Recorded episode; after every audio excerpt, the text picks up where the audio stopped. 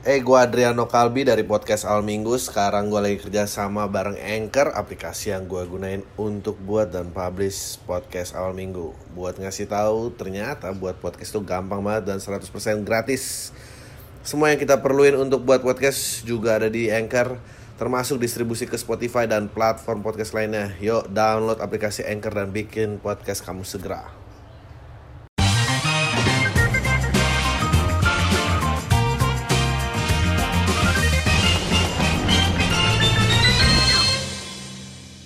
Halo semua lagi dengerin podcast Al Minggu bareng gue Adriano Kalbi. Eh, selamat tahun baru. Eh, semoga sehat-sehat. Semoga COVID sudah nol belum sih ya. Kayaknya akan naik lagi melonjak sedikit. Tapi ya gue rasa sih akan baik-baik aja ya. Semoga semua sehat. Eh, nggak nyangka kayak dua tahun sudah. Apa sih gue kayak sok-sok ngasih pesan-pesan positif di dua-dua. Tapi kalau dipikir-pikir tuh beneran kayak wow dua tahun lewat gitu aja dan kayak gue sih masih gue nggak tahu ya lo semua gue sih masih inget ya rasanya waktu di 2020 tuh gue kira nggak akan nggak akan balik lagi dunia nggak akan normal. Tapi ya kayaknya berangsur-angsur pulih meskipun ya naik turun naik turun. Eh dia keluarga udah ada yang kena dan segala macam untung ya untungnya gue belum kena sih. Nggak tahu kenapa juga nggak kena nggak ngerti juga. Gue gue sempat ada kayak kok gue nggak kena kena sih? Gitu. Ya gitu lah. Kita langsung aja to the topic. Eh, perkara harta warisan seorang anak laporkan orang tua ke polisi ya ampun. Rodiah dengan kursi roda yang perlahan berjalan sangat mengkhawatirkan menjalani proses hukum karena telah diduga telah menggelapkan sertifikat tanah yang dianggap menjadi warisan oleh anaknya. Anjing, gue tuh ya menurut gue nggak ada kasta yang lebih rendah daripada orang-orang yang hidup mengharapkan harta warisan. Apalagi eh, menurut gue kalau emang haknya oke, tapi kalau kayak berharap dan menggantungkan diri ke warisan tuh menurut gue nggak ada yang bener. Apalagi sanggup melaporkan orang tuanya yang disangka bakal gelapin warisan buat dia. Itu menurut gue ini nggak akan jadi apa-apa. Eh, nggak tahu ya, gue gua makin ke sini makin sadar gitu. Gue kayak ada kebagi temen gue akhirnya terkikis karena dua lingkaran. Eh, pertama dia itu harus punya toleransi atau bahkan dia harus liberal untuk gitu. Gue gua nggak bisa tuh temenan sama yang belum toleran gitu, masih kayak mempermasalahkan baju orang, eh, boleh ngucapin selama sesuatu nggak bisa gue. Udah itu udah pasti out, Eh, udah pasti nggak temenan. Gue nggak peduli mau dia pinter apa, mau sukses apa, gue pasti udah nggak temenan sama orang itu. Sama yang kedua yang gue sadarin, teman-teman gue tuh semuanya self made. Self made dalam artian bukan berarti sukses tapi dia tuh berpijak dengan kakinya sendiri gitu. Banyak yang masih struggling, banyak apa tapi semua ke, kebanyak bahkan semua kayak berpijak dengan kakinya sendiri. Karena menurut gua ya kayak miskin tuh masalah rezeki tapi manja mandiri sih itu pilihan ya. Eh, dan gua nggak bisa tuh temenan yang apalagi lo kayak 30 berapa tuh ya ntar ibu gua gimana apa mbak nggak bisa gua nggak bisa Eh, semua teman-teman gua yang dapat warisan atau eh, hanya melanjutkan perusahaan orang tua semua jelek nggak ada yang bagus. Melanjutkan perusahaan orang tua mungkin ya satu banding 10 lah yang oke. Yang bener-bener generasinya tuh memperbesar kerajaan orang tuanya tuh cuma itu. Sisanya mah ya Allah beban mati orang tua itu mah malu-maluin.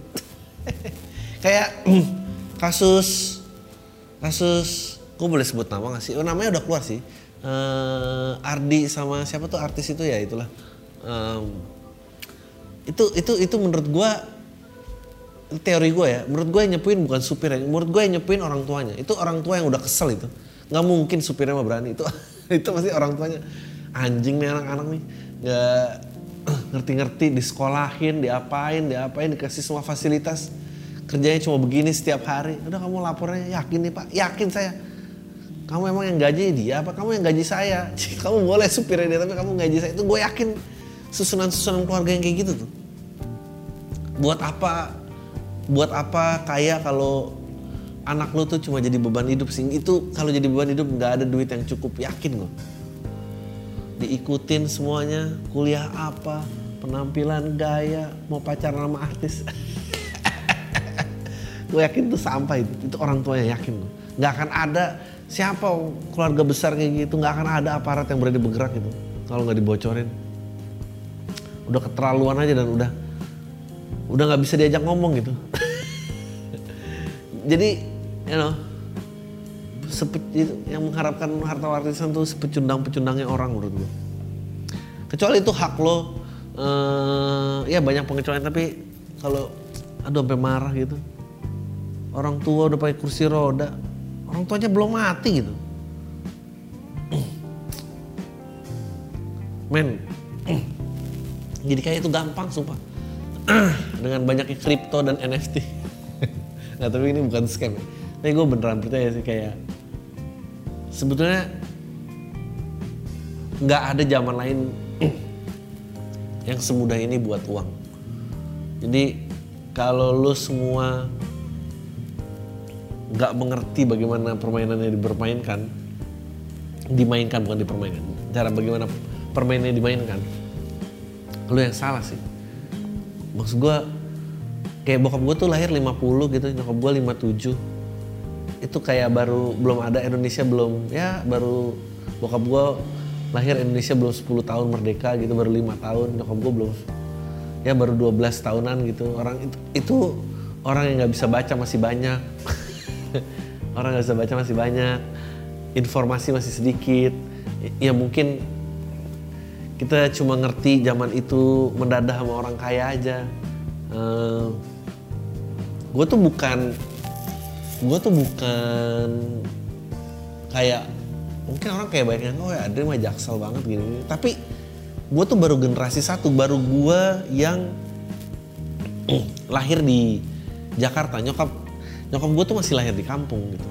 Bokap gue bokap gue emang orang Jakarta.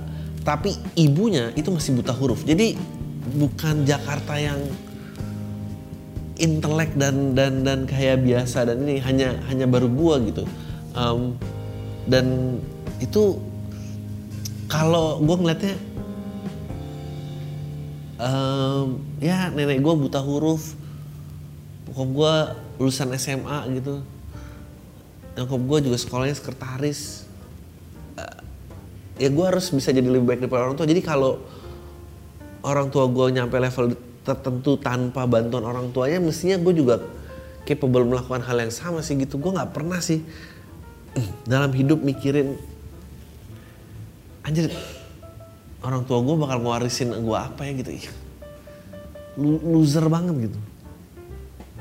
Segala cuma tanah ya nggak nggak segala cuma tanah sih tapi maksud gue ya kemon lah. Terus lu kayak ngelapor orang tua lu, lu kayak nggak punya ini apa lu nurani apa gimana? Uh, kayak gue tuh gue akhirnya paham gitu banyak oh banyak banyak yang keluarga berantem uh, ngerebutin harta warisan itu ya yang ngerebutin harta warisan itu biasanya pecundang semua yakin gue maksudnya itu pasti nggak nggak punya pemasukan pokoknya udah culas-culas lah hidupnya. Nggak punya karir nggak punya nggak punya nggak bisa bikin kecukupannya sendiri. Makanya warisan tuh jadi penting gitu warisan jadi diributkan. Gue keluarga yang nggak ngeributin warisan itu karena anak-anaknya sebetulnya nggak butuh dan dia udah mandiri. Dan keluarga yang ngeributin warisan itu emang isinya pecundang-pecundang semua emang. Uh, gokil. Ini ada yang aneh tentang warisan warisan aneh raja super perkasa di dunia di dunia warisi puluhan istri dan dari bapaknya. Hah? Raja Abumbi II menjadi raja ke-11 di Kamerun. Gokil. Setelah kematian ayahnya pada tahun 1968. Raja Abumbi II dikabarkan memiliki istri hingga 100 orang. Ya Allah. Uniknya 72 istri merupakan warisan sang ayah. Hah? Sehingga Raja Abumbi II tidak hanya mewarisi kerajaan tapi juga mewarisi istri-istri ayahnya. Anjing. Kalau dalam standar feminis ini udah melanggar uh, berapa hak ya? Anjir ini ini ini ini masih kerajaan yang masih menganggap uh, perempuan itu sebagai properti. Gue tahu pasti itu akan men-trigger banyak orang tapi maksud gue adalah gue hanya stating facts gue nggak menjelekkan kamu. Ini ini parah banget ini. Gokil. Dia punya 100 istri, 72 warisan bapaknya. Berarti dia punya 38. Ini bapaknya aja lebih banyak. Gue sih ngeluh sih jadi anaknya karena satu ya, eh bapak gue gitu. Ngapain gue? Uh, iya itu berarti ibu-ibu tiri lo kan? Anjing hancur banget ini.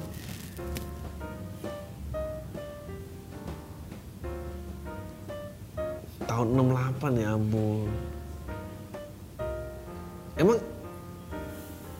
Kalau meninggal nggak statusnya nggak jadi itu. Cerai mati maksudnya dia nggak kenapa nggak ini? Nggak mau dipulangin ke orang tuanya aja. Orang tuanya juga udah malas kali ya orang tuanya ngerasa kan udah lepas beban hidup dibalikin lagi. Siapa yang mau ngurus? Mau nggak mau harus urus. Ini bukan salah anaknya ini salah bapaknya nih bang. Ya ampun 100 sih.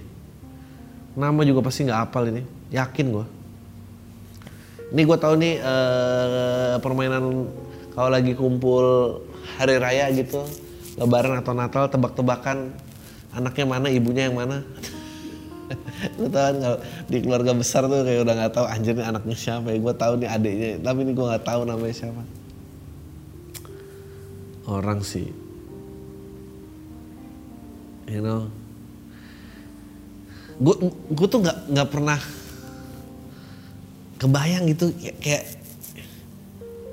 istri.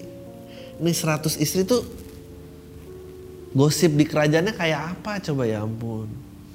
Yang curhat sama pembantu berapa banyak? Ini gue tiap hari pasti takut nih leher gue digorok orang. Ini gue yakin kalau kerajaannya tumbang tuh bukan karena diserang kerajaan lain ini mana digulingkan dari dalam ini. Ini belum ada yang nyulut aja misalnya ada waktu itu uh, cewek yang udah naksir bapaknya tapi ditolak. Terus dia dendam. Lu tahu kan sekarang kalau bisa lu tusuk ini semua hartanya milik lu gitu.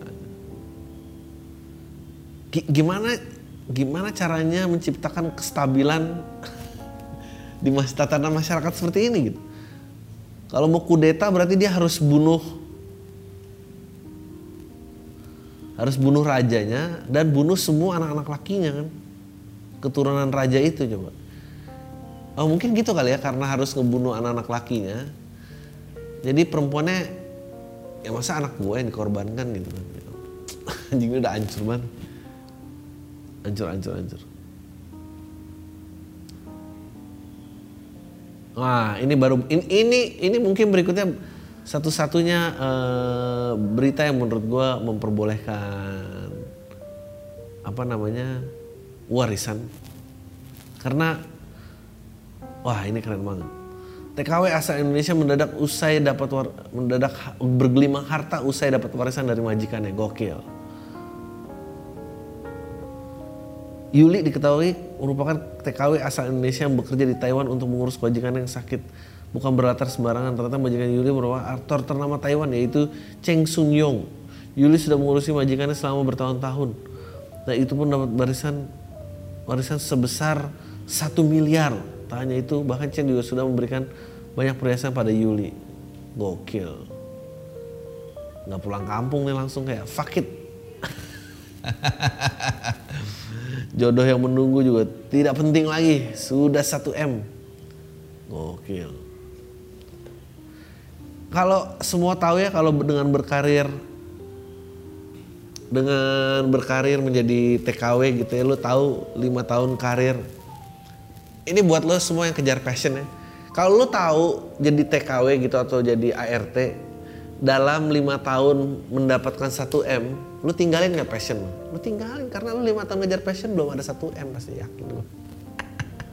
yakin gue, seyakin yakinnya. Gue gue nggak tahu ya apa gue makin tua ya kayak ternyata uang tuh uh, uang tuh sebetulnya uang tuh nggak ada artinya. Tapi uang itu menurut gua eh, satuan pengukuran yang eh, pencapaian orang yang fair menurut gua.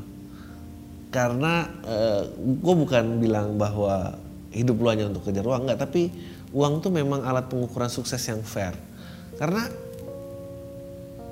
karena memang berbeda banget rasanya mental. Misalnya pada saat lo dulu gaji lo eh, UMR gitu terus mungkin 10 juta mungkin and then lo mungkin dapat 20 juta and then and so on and so forth. Itu eh, mental tuh memang berubah confidence berubah keyakinan berubah.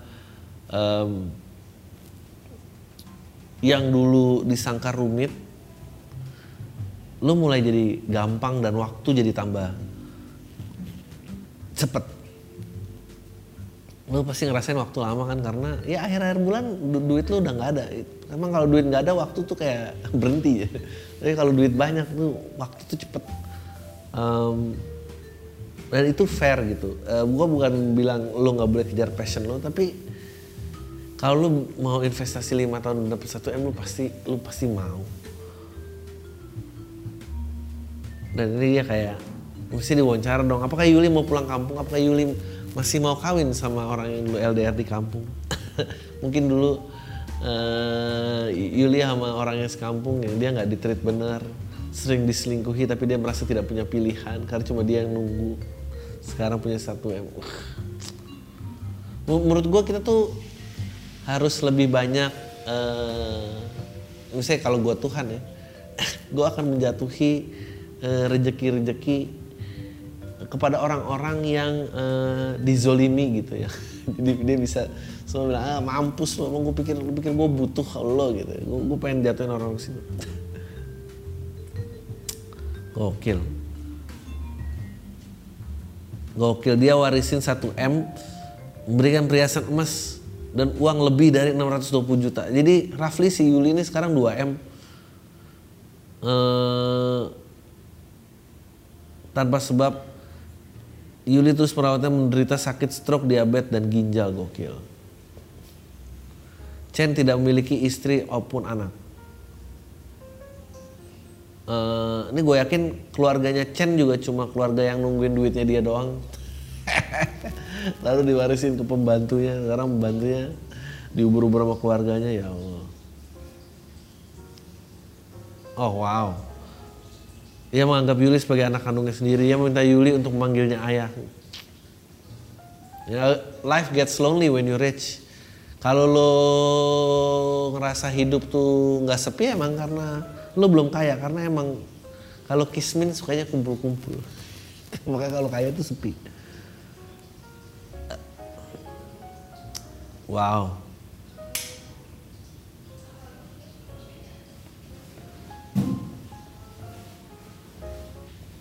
Delapan puluh tahun gokil.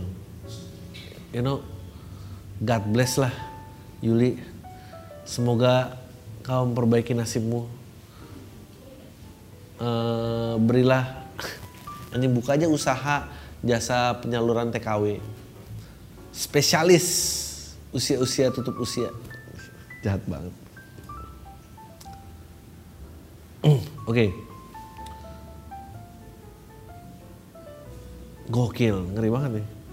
Sri Mulyani kejar pelaporan wajib pajak hingga warisan mertua. Ini alasannya.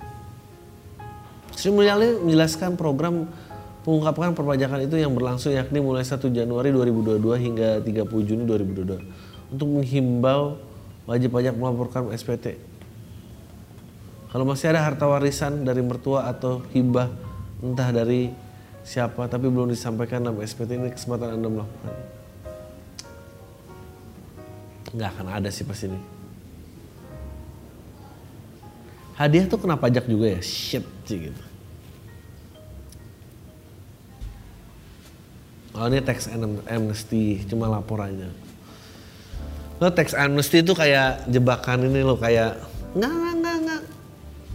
Kalau ngaku maling sekarang nggak kita hukum sih gitu. Ya begitu ngaku kayak nggak awasin dia terus ya dia kemarin maling kayak gitu kayak hidupnya anjing banget.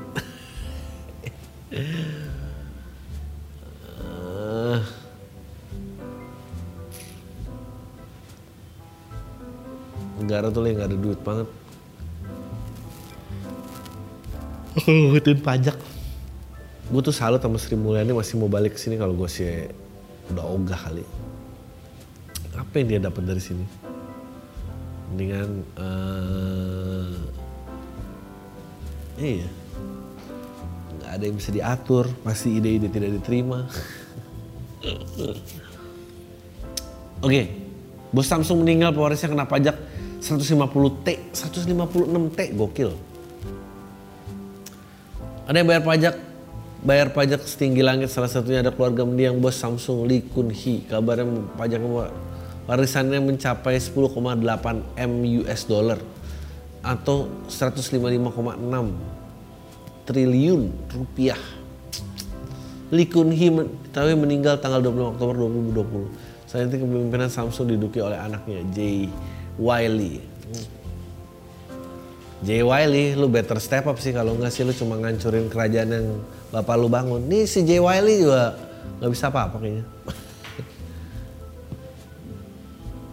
Gokil. Gue gak kebayang sih kalau duit satu T nya gak kebayang gue. Uh, gila, saham liquid Samsung Electronics sebesar 4,18 dan 0,08 saham referensi ungkap. Saat itu dia memiliki 20,76 Samsung Life Insurance, gokil. Samsung CNT 2,88 dan Samsung SDS 0,01. nggak jadi apa-apa nih. Menurut gua, menurut tapi ya menurut gua lebih sulit ngebesarin anak dalam kekayaan sih daripada kemiskinan. Ya maksudnya kemiskinan tuh hidupnya sulit tapi tapi gua rasa dia akan baik-baik aja gitu karena pilihannya hidup atau mati gitu. Kalau besarin anak jadi anak orang kaya tuh menurut gue ya ampun. Anak orang kaya tuh nyebelin tuh nggak ada yang nggak nyebelin siapa ya kan emang menurut lo yang si yang kemarin ketangkep nyabu itu karena? Karena anak orang kaya. Coba kalau dia bukan anak orang kaya. Sedih ya. Itu tuh pasti kecewa banget tuh bapaknya. Saya ini bangun nih buat kamu, kamu nih cuma jadi orang mau nyabu aja sampai miring. Mau gimana coba? Oke. Judi yang tidak direstui Tuhan namun candu gokil. Gue mahasiswa di sebuah universitas negeri di Jateng. Umur 20-an gue pendengar PAM dari lama. Sebelumnya thanks ya buat podcast yang ringan tapi candu. Parah sama rekomendasi, rekomendasi. Series sama filmnya. Gue mau cerita nih bang soal petualangan judi bola yang gak direstui Tuhan kayaknya. Sebelumnya latar belakang gue dari keluarga menengah ke bawah jadi pengen banget ngasil uang sendiri dan dengan usaha minimal. Terus suatu hari gue main PS ke tempat temen-temen Tahu-tahu dia ngasih tahu cara ada cara ngasilin duit dengan cara mudah, tapi minusnya agak haram dikit. Pertama, nggak ada yang namanya haram dikit. Emang ya udah haram aja gitu, tidak ada. Hanya halal dan haram. Haram dikit tuh gimana? Alhasil tertarik kan gue di situ ajarin judi boleh bang dengan berbagai dengan berupa testimoni dan email-email deposit minimal 25k tanpa potongan. Akhirnya gue coba apalagi pas itu lagi ada duit dingin hasil lomba juara gue duta du, dota duta dutaan dota kali ya. Awalnya 50k tapi kalah terus gue. Padahal dulu dia padahal dua teman gue lainnya udah untung 200k tapi hasil kalah dan saldo habis gue berhentilah tapi sebentar tapi candu banget. Itu judi gue jadi deposit lagi dan kalah lagi. Sebenarnya gue ngebet setiap bet nggak beruntung terus. Saking aneh ini misalnya ada dua tim. Tanding antara peringkat satu lawan peringkat dasar kelas klasemen. Secara logika peringkat atas pasti menang kan. Nah itu pas gua bet malah kalah ulang-ulang kayak gitu. itu jebakan itu. Um, karena semua berpikiran yang sama ya terus bandar ngeliat terus bandar nyuruh. Enggak ada yang ini aja yang kalah gitu. Gue nggak percaya sih pertandingan olahraga yang nggak diatur tuh gue nggak percaya sih. Mungkin olimpiade tapi itu juga nggak ada sih. Terutama yang pertandingan yang yang yang adu-adu gitu bukan yang kayak balap lari gitu bukan Nah kayak gitu sampai gue samain sama temen gue yang menang terus napas samain menang kalah Nah pas gue nggak samain malah temen gue senang, sementara gue enggak kan kesel ya gue berasa dipermainkan nasib bang. Seakan-akan tidak direstui Tuhan. Terus gue berpikir dong, di antara tiga orang teman gue yang main judi, bolak gue doang yang paling alim. Apa karena itu ya Tuhan tidak merestui perjudian gue? Gue nggak tahu kenapa Tuhan nggak merestui. Eh, padahal dosa gue sama temen gue kan sama kenapa cuannya enggak. Mereka dapat dosa cuan, kenapa gue do dosanya doang? karena Eh, gue Adriano Kalbi dari podcast Al Minggu. Sekarang gue lagi kerja sama bareng Anchor, aplikasi yang gue gunain untuk buat dan publish podcast Al Minggu. Buat ngasih tahu, ternyata buat podcast itu gampang banget dan 100% gratis. Semua yang kita perluin untuk buat podcast juga ada di Anchor, termasuk distribusi ke Spotify dan platform podcast lainnya. Yuk, download aplikasi Anchor dan bikin podcast kamu segera. Karena lu udah berpikiran kalau gue harus dosa ya kenapa nggak untung juga gitu? Nah temen lu nggak pernah mikir gitu. Temen lu kayaknya judi aja. Habis itu gue coba trading kripto bang. Awal-awal langsung untung tapi habis itu nyangkut tuh duit sial sih uh,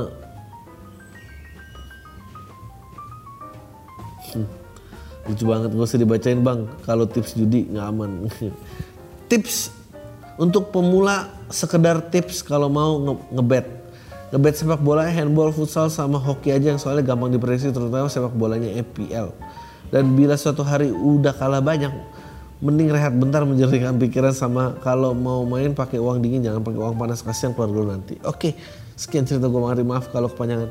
Uh, Tyler semua go fuck yourself. Um,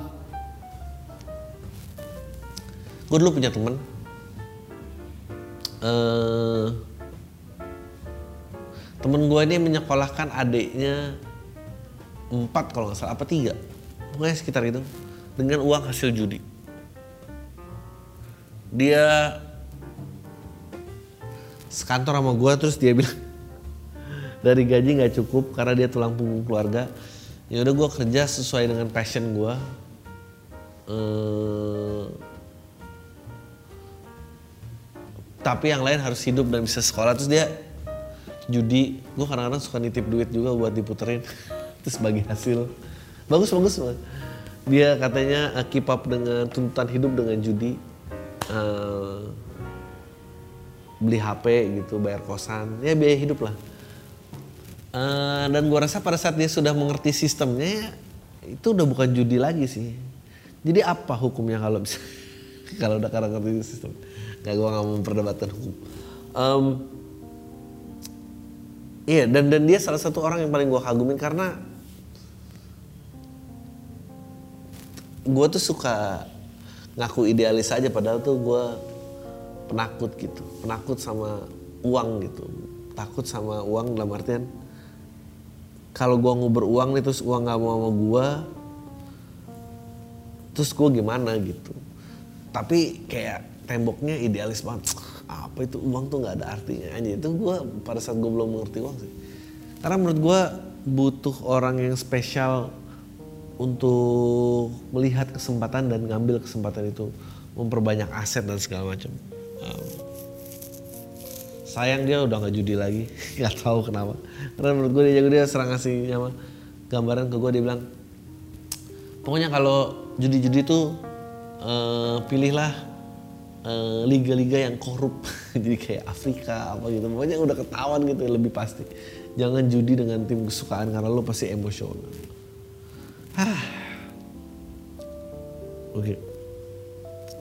demi uang aku rela melakukan ini. Apa nih mau nanya pendapat lu tentang prinsip hidup gue yang gue pegang selama 3 tahun terakhir. Aduh. Gue 24 tahun gue sangat takut ketika umur 30an gue masih harus bekerja keras buat hidup gue dan keluarga gue gokil. Nanti gue umur 30 bulan cuma kerja ketika gue mau kerja. Ke gokil. Karena kenyat karena gue 37 dan gue masih kerja sih. Anjing juga nih ngirim. Uh, apa ya termasuk harusnya di umur 24 gue belum tertarik sama sekali buat nyari pacar buru-buru niat nikah sayang gue pacar itu cuma buang-buang waktu sama kayak main game liburan nongkrong. Menurut gue itu semua nggak bermanfaat. Kata siapa? Atlet game sih udah kaya kaya banget ya. Uh, menurut gue itu semua nggak bermanfaat. Padahal waktu buat pacaran sama balas-balasin chat doi itu bisa diganti dengan bekerja dan menghasilkan uang. Nah itu mempercepat gua ketemu kestabilan finansial gua. Memang nggak semua pacaran merugikan tapi kalau emang pacaran bisa sampai menikah itu bagus tapi kalau gagal itu yang nggak bagus karena buang-buang waktu. Pacaran itu kayak judi nggak sih? Karena nggak pasti. Gua nggak mau berjudi di hidup gua. Gua jadi lu rela melakukan apa sih nih? Cuma-cuma ceramah doang ya? Ngasih duit dan udah pasti buat masa depan gue nabung tiga tahun yang lalu. Gue investasikan oleh saham dan reksadana. Menurut gue portfolio gue baru terisi 10% dari target keuangan gue apa pendapat tentang prinsip gue hidup ini? Menurut gue lu mengada-ada tahu ya lu 24 berapa tabungan lu? Gue nggak tahu tabungan lu berapa tiga tahun um, tapi kalau pilihannya cuma reksadana sih kayaknya kurang. Um, menurut gue lo harus diversifikasi cari yang lebih agresif lagi. Kalau targetnya 30, cuma kerja saat lo pengen kerja ya. Hmm, iya paling apalagi coba? Gitu-gitu doang. Menurut gue sih kayaknya nggak ada gue nggak tahu ya caranya untuk 30 tapi gue ada sih teman-teman gue ada sih teman gue yang self made juga 30-an dia financially free belum ya? Mungkin dia financially free sih. Tapi wah caranya sih gila banget sih gue nggak sanggup sih. Halo bang sebut namaku. Namaku Boh Kreh. Kreh huruf E nya dibaca seperti menyebut kata E dalam T. Teh teh Kreh ya iyalah masa kreh gitu dong pasti kreh lah aku tinggal di desa kecil di Aceh besar Langsung saja aku cuma mau nanya pendapatmu tentang opini liarku. Aku percaya Tuhan itu maha adil. Itu nggak opini liar. itu opini orang beragama. Semua bilang Tuhan itu adil. Itu kebanyakan orang opininya Tuhan itu adil. Jadi ini tidak liar. Contoh ada anak miskin yang sama anak orang kaya menurutku adil. Kenapa bisa adil? Karena anak orang kaya lebih kaya daripada kita sebenarnya nggak sebagian kita kira. Ah itu gue setuju. Dan orang yang lebih miskin kita nggak sesusah yang kita kira. Kita anggap orang tua orang kaya itu hidupnya enak karena ngebandingin dengan kualitas hidup mereka yang lebih kita lebih rendah daripada mereka. Padahal mah biasa aja.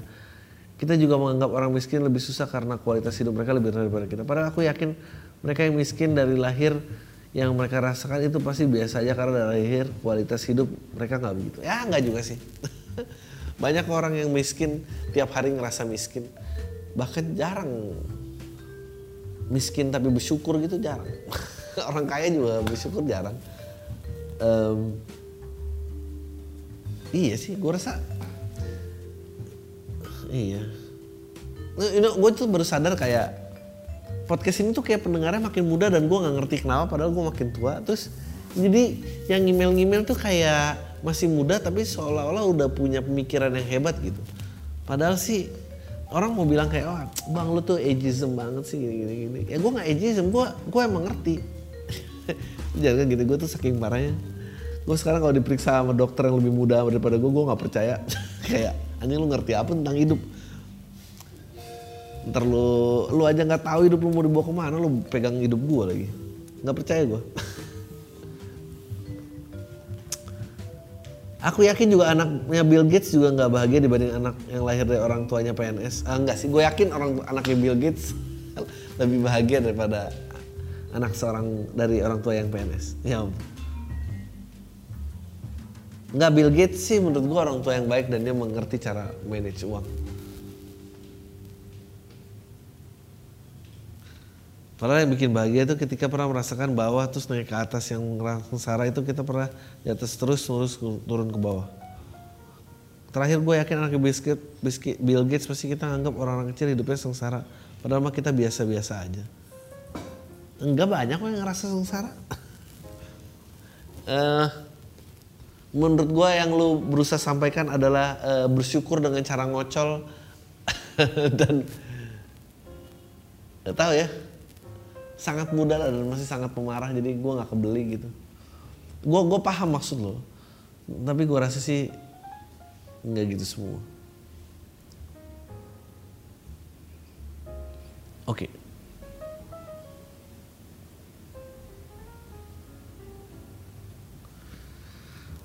Gokil. Dapat selingkuhan janda berkat PAM. Gokil. Oke, dua pekan bukan dua bulan. Oke. Jangan sebut nama saya, saya pendengar PAM sejak Adriano Kalbi muncul di podcast Raditya Dika. Anjing aneh banget. Why? Saya punya media konsultan di Solo, Jogja, dan Semarang yang akhirnya sering dapat order bikin prank, settingan, dan iklan testimoni ala-ala sketsa ya Allah. Buat cari talent kita nyisir medsos biar dapat yang budgetnya bisa nego berat. Suatu hari, install micet sama Tinder buat nyari talent bencong. Singkat cerita bencong ku dapat, janda pun iya. Oke.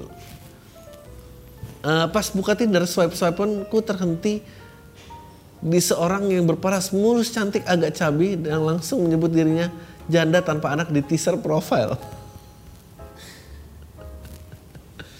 Karena tertarik, saya pencet suka dan ternyata match. Buat buka obrolan saya bacain joke di TikTok soal janda yang waktu itu dibacain di PAM. Ya Allah, joke apa yang dibacain di PAM? Tentu dengan disclaimer bahwa saya tahu joke itu dari TikTok. Hah? Gue bacain apa anjing? Eh dia marah-marah dong. Ya ampun. Terus saya kasih pembelaan atas marah-marahnya. Ternyata dia suka kayak berasa pendapatnya diterima dan perasaannya dimengerti. Hah? Jok apa anjing? Anjir loh. Terus sebetulnya sebetulnya tuh orang-orang tuh banyak utang budi sama gue karena gue yakinnya gue nggak tahu udah berapa banyak orang yang bisa tidur sama orang lain gara-gara pakai jok-jok gue dan nggak ada upetinya. Ini kenapa NFT penting ya? Jadi semua akan tahu dari mana itu berasal. Um, obrolan kita jadi panjang lebar sampai berjam-jam dan agak ngeri juga ketahuan istri. Kok nggak tidur? Anjing dia ternyata punya istri. Goblok. Cuma mantengin HP sampai jam 3 malam padahal saya termasuk morning person yang biasanya tidur jam 10 malam dan bangun subuh. Obrolan kita di Tinder terpaksa saya hentikan karena si janda minta nomor WhatsApp. Saya pura-pura ketiduran dan baru balas jam 11 pagi setelah punya nomor baru. Gokil. Oh ya di sini saya belum ngomong status pernikahan ya. Abis dia nggak tanya ngomong long story short kami jadi makin dekat. Obrolan kami beberapa kali lewat video call. Suatu ketika saya jadi agak takut karena si janda uh, sering mancing-mancing jadi kayak pengen dikawinin gitu. Huh. Saya termenung sejenak menyusun kalimat yang pas buat nyampein kalau saya itu udah punya istri dan dua anak. Selesai. Lantas saya sampaikan itu lewat telepon. Setelah itu dia nggak merespon dan menghilang.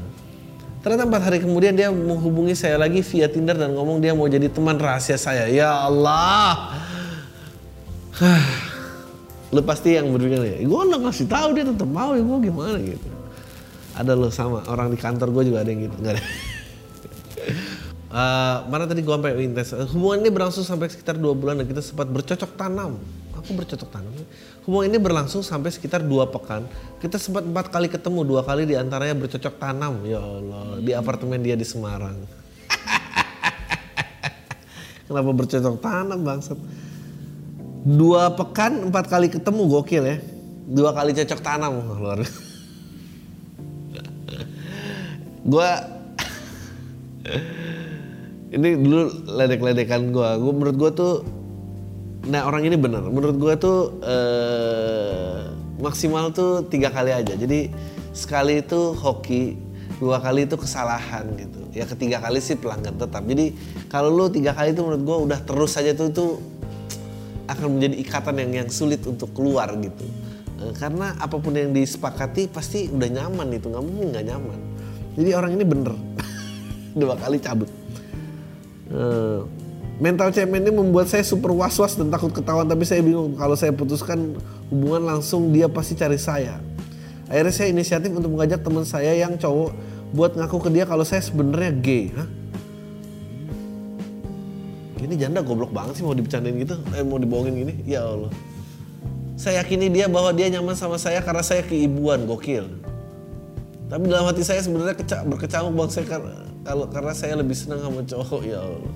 Saya juga bilang lagi galau sebetulnya pengen cerai karena rumah tangga ini bukan keinginan saya Hah? setelah lama berdialog dia lantas mengerti dan bersimpati. Salah satu yang mungkin bikin dia percaya adalah karena selama ini yang lebih agresif dia dan minta bercocok tanam dia juga. saya senang lantaran dia sudah tidak menghubungi saya lagi. Ternyata kesenang itu berlangsung dua minggu. Sekarang si Jana tahu akun IG saya ya Allah. Sering buat layanan konsultasi rukia dan menyembuhkan. Gitu.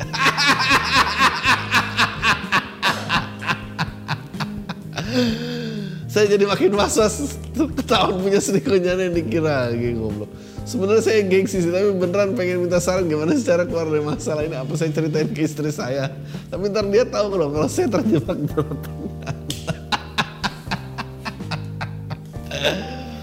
Berarti dia emang sifatnya keibuan sekali karena udah putus pun kayak kasihannya orang itu gitu. Kirimin lah layanan rukyah biar bisa menyembuhkan dia yang yang ini nih kan. Bilang dong. Enggak lu bilang gini aja gue tau gue tau solusinya lu bilang gini lu bilang tolong jangan kirim-kirim ini. Nanti orang tua saya tahu kalau saya gay gitu. Lu bohong lagi aja. Ntar dia paling nge-add Instagram orang tua lo anjing lebih ribet lagi. Hah. oke lanjut. Ini menarik. Gua gua tolong tulis subjek yang menarik ya. Jadi gue baca karena sekarang yang email udah banyak banget jadi gue susah milihnya. Uh, kissing beda agama ini gue suka You know, di TikTok tuh ada tren kayak Islam agamaku, Cindo seleraku ya. Kayak terus kayak kok ai susul kepik ya anjing. Kok kayak Uh, tapi gue suka TikTok tuh menurut gue tapi TikTok tuh eh, SJW banyak juga sih. Padahal tuh dia liberal banget loh kayak uh, ada apa Cindo rasku Wana seleraku. Ya Allah Mas yang ngomongnya Cina Mas aku susul. Ya Allah Wana tuh by the way sebutan ke orang Melayu ya bahasa gue gak tau ya Hokkien kalau nggak salah. Kayak kayak Hokkien Wana anjir dia ternyata punya sebutan rasis juga ke kita brengsek. Itu itu derogatory term ya bukan. Jadi mereka kalau nggak ada kita ngomong oh, emang wana-wana gitu. Sialan emang. Gue kasih tahu gue bocorin semua. Oke. Ini email pertama gue setelah cukup lama dengerin podcast lu bang. Gue jadi mau cerita masalah cerita masalah mantan gue jadi awalnya gue dulu sempet jadian sama mantan gue ini 6 bulan. Putus karena nggak nyambung. Tapi setelah putus itu kita nggak langsung putus hubungan. Kita masih sering jalan bareng. Ya selayaknya pacaran bang. Sampai setahun lebih kalau di total total sampai akhirnya dia udah punya cowok di kampus barunya di situ gue mulai ngerasa sadar bang kalau gue tuh butuh dia. Ya Allah dia bilang gue bilang ke dia gue nyesel udah sia-siain dia. Cuma dia yang bisa ngerti gue tanpa banyak ngatur. Gue ajaklah dia balikan. Ternyata dia bilang ke gue kalau udah nggak ada perasaan ke gue gue minta maaf ke dia dan ngemis. Mohon buat balik. Gue janji akan perbaiki semua sama dia. Gue mohon mohon sampai gue nanya lu pilih gue apa dia? Ternyata dia lebih milih cowok itu bang. Oke lah gue terima. Mungkin selama ini karma yang buat gue udah yang sia-siain dia. Gue cobalah buat terbiasa tanpa dia. Oke. Anjing ini chatnya banyak banget loh. Setelah gue berhasil move on dan ikhlasin dia dua minggu kemudian gue di chat di IG gue bang. Di lagi eh gue di chat lagi bang. Minta balikan karena ternyata cowoknya itu nggak sesuai dengan ekspektasinya. Gue tolak ajakan dia bang karena gue pikir dia udah ajak gue pikir dia ajak balikan ke gue karena nggak ada pilihan aja. Dan gue udah capek-capek move on kan bang.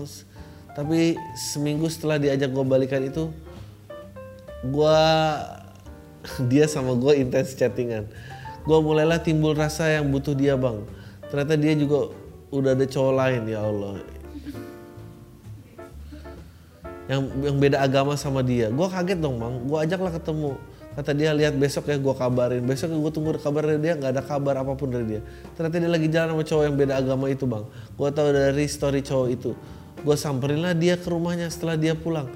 Mulailah gue ngemis lagi ke dia bang sambil nangis. Untuk sama gue gue pun nangis mulu ya anjing. Gue pun coba doktrin dia bang kayak lu beda agama sama dia nggak kelihatan ujungnya mau ke mana. Mending sama gua aja udah jelas kelihatan ujungnya ke mana. Akhirnya dia sadar dan dia bilang bakal kasih kesempatan kedua buat gua. Ya Allah. Gue udah mulai tenang dari sana bang. Dia bilang bakal lebih milih gue untuk kasih kesempatan kedua. Dia dan cowok itu pun udah mulai diskusi soal mereka yang nggak mungkin buat barengan karena soal beda agama. Cowok itu bilang ya udah kamu balikan aja sama dia. Bahkan cowok ini support untuk mantannya gue balik ke gue. Gue udah mu, udah nggak murung-murung lagi dong bang dari sana. Akhirnya mantan gue tiba-tiba hilang tanpa kabar. Gue telepon gak diangkat-angkat mantan.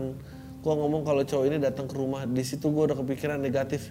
Gue tanyain ngapain aja kissingnya sama dia. Ya Allah. Tahunya respon dia diam dan gak berani jawab. Wah perasaan gue campur aduk bang tahu marah sakit cemburu ya pokoknya gitulah. Gue putusin untuk datang ke rumahnya malam itu juga. Ya ampun. Oh jadi yang kissing beda agama tuh mantan lo anjing. Ah, bangsat lah. Gue jadi baca baca cerita gini? Gue datang ke rumah dia dan cerita semuanya dari awal ke nyokapnya. Hah? gue datang ke rumah dia dan cerita semuanya dari awal ke nyokapnya. Bahkan sampai gue sebut dia kissing sama cowok itu. Ya Allah nyokapnya emang lebih mihak ke gue ya Allah banci banget sih nah. akhirnya gue di situ dibiarin untuk ngomong berdua. Di tengah ngobrol itu tiba-tiba kita making out bang. Ah, ya lebih dari sekedar kissing itu walaupun sakit hati. Tapi nafsu tetap jangan yang lu segini walaupun sakit hati. Tapi kalau soal hasad emang beda lagi ya bang. Ha. setelah dari itu dia nangis-nangis minta maaf ke gue untuk perbaiki hubungan kita bang. Dia janji bakal jauhin cowok itu dan gue belum jawab ini bang gue ngerasa emang sayang banget sama dia tapi kalau udah gini rasanya nggak bisa buat balik bang. Anjing. Tapi lu cium mau bang set Eh, ya gimana bang? Bingung kan? Di jalan pulang otak gue muter bang. Gue mikir apa harus gue stop di sini aja? Gue pikir udah impas. Gue balas perlakuan dia ke gue dengan ceritain ke semua ke nyokapnya dan gue balas ke cowok itu dengan cara yang lebih dari sekedar kissing Allah ini anak ini anak kecil yang ngimil-ngimil itu gitu gini-gini masih dihitung-hitung ya Allah. Gue berpikir kalau itu soalnya mau curi-curi kesempatan dari perempuan gue bang. Anjing dia tuh bukan punya lo anjing. Jelas dia support mantan gue balik ke gue kenapa dicium juga? Kenapa? Makanya gue balikin dari lebih gue makanya gue balikin lebih dari kissing ngobrol. Kalau dia lanjut sama cowok jadinya gue lah yang curi kesempatan dari perempuannya. Ya Allah menurut lu gue harus gimana? Menurut gue lu harus banyak-banyak bercermin iya lu menurut gue anjing lu chauvinis banget anjing. Lu ini, ini bukan anak lo men. Bukan punya lo eh, apa ya? Tau lah. Gue kira lo bakal cerita pengalaman-pengalaman kayak di TikTok gitu. Apa kayak beda ras pertama beda agama. Ternyata galau-galau ABG gini sampah. Dah itu dari gue lu semua. Deh